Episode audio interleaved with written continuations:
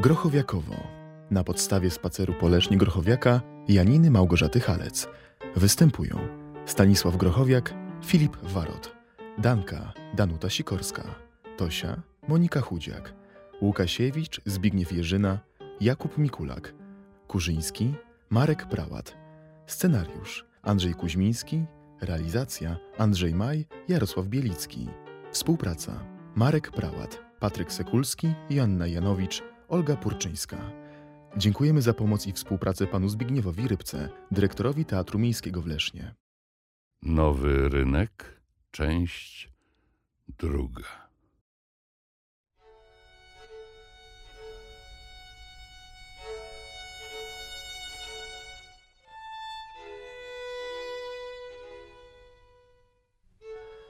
Śniła się zima, a był to.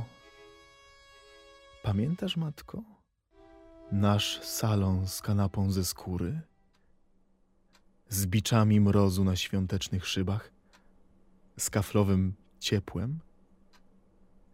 Ojciec od rana już pachniał koniakiem, podłogi pastą, rodzeństwo komunią. Pies gdzieś się zaszył i ćwiczył kolendy. Wszak o północy miał do nas zagadać. Potem go Niemcy nauczyli wycia. Śniła się zima, więc pierwszy wszedł anioł. O, jakże pięknie łączył w swej postaci ideę śniegu z wąsami stolarza. Herod od progu roztaczał swą władzę ponad kieliszkiem, piernikiem, kapustą. Plebejusz z rzeźni.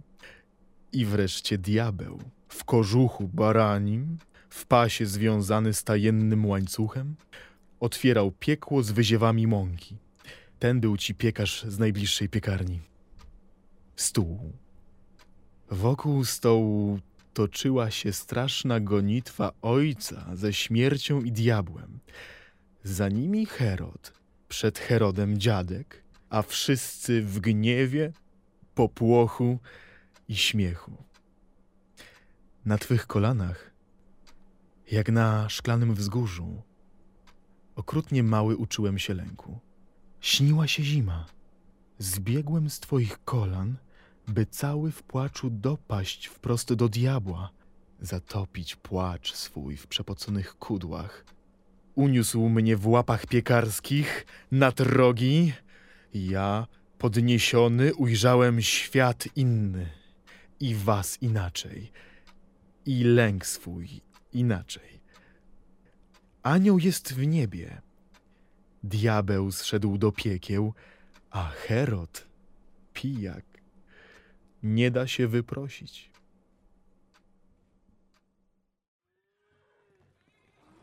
Na kamienicy numer 21 jest wmurowana tablica.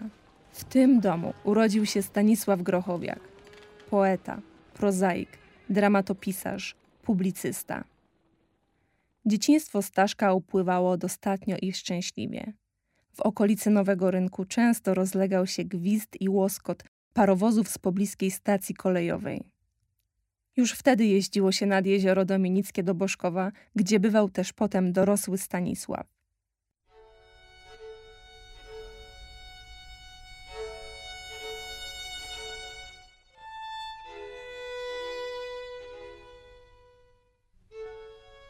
Musiałem być wtedy bardzo maleńki. Może trzy albo cztery lata.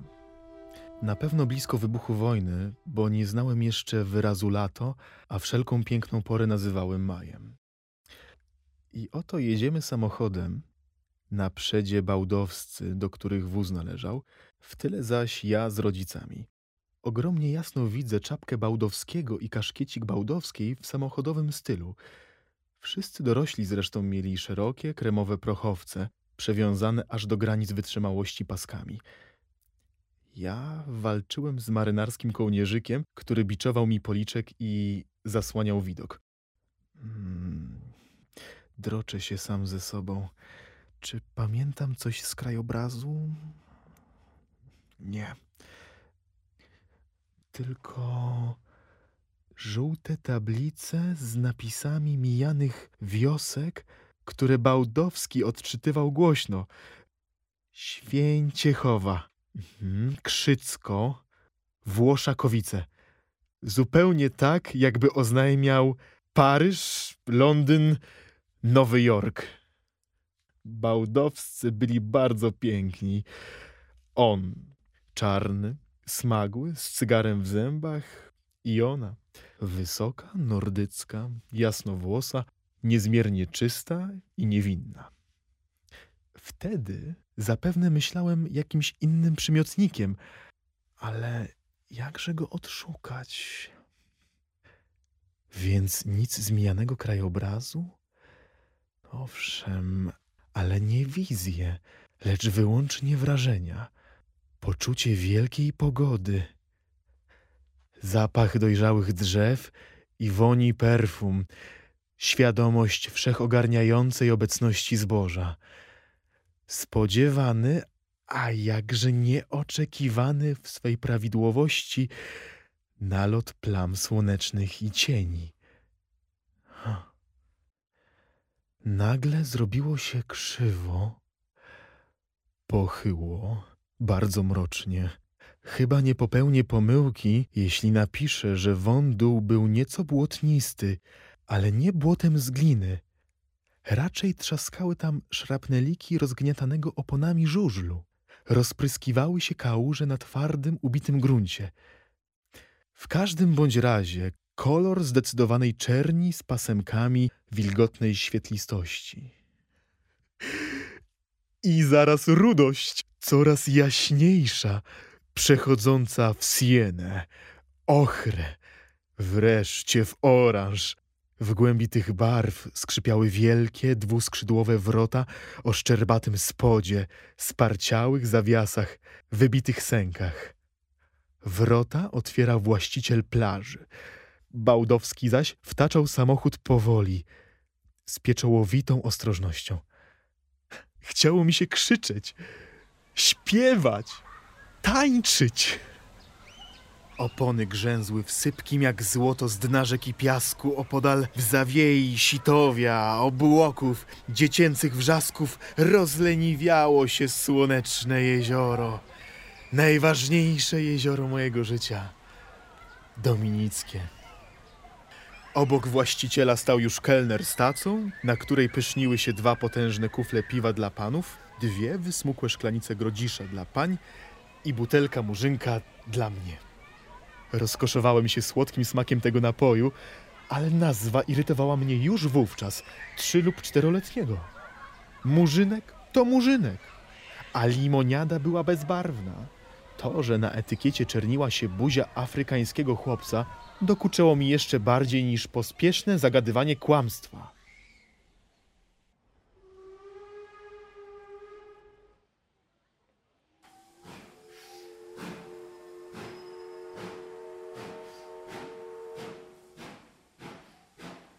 Wczesne dzieciństwo poety pojawiło się w jego późniejszych wspomnieniach raczej sielankowo. Zamknął je rok 1939.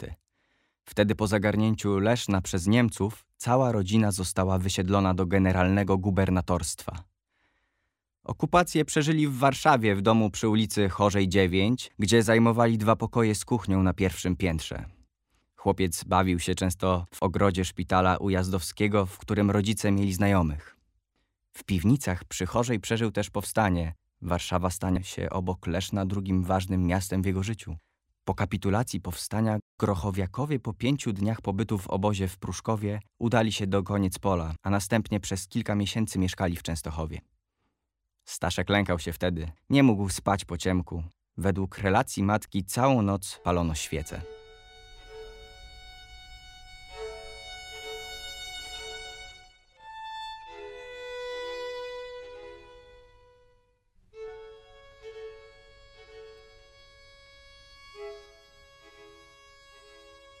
Były sobie dwa warkoczyki i dwie łzy były na twarzy.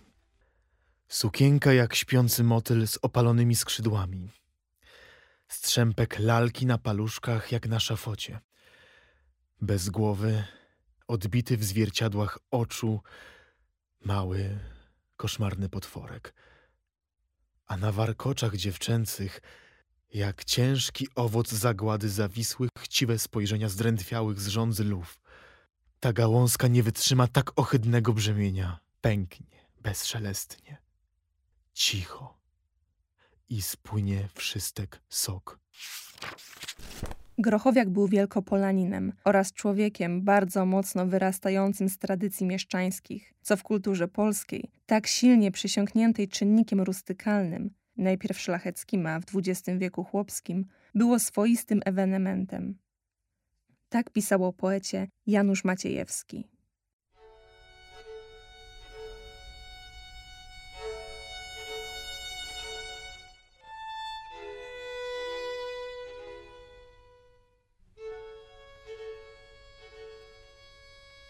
Powracaj z ziemi nieznanej, powracaj, synu, do tej jedynej nieokłamanej wiązki muślinu.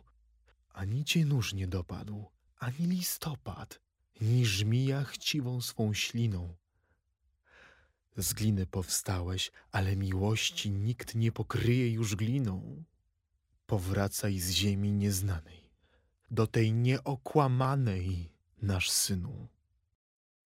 Staszek był człowiekiem konkretnym, ceniącym rzeczowość, użyteczność i praktyczność, realistą i pragmatystą. Czuł się, choć nie bez pewnej autoironicznej zadumy potomkiem nie ma życiela Don Quixota, ale Sancho Pansy. Nie cierpiał kongresowiackiego rozmamłania dusznego, był zdecydowanym okcydentalistą.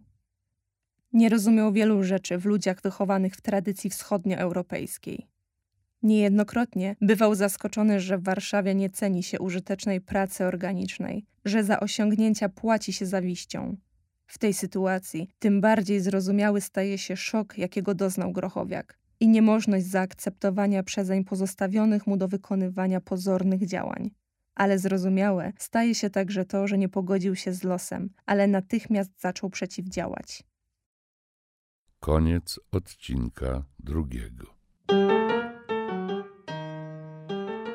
Działania implementowane są dzięki dofinansowaniu Narodowego Centrum Kultury w ramach programu Kultura w sieci.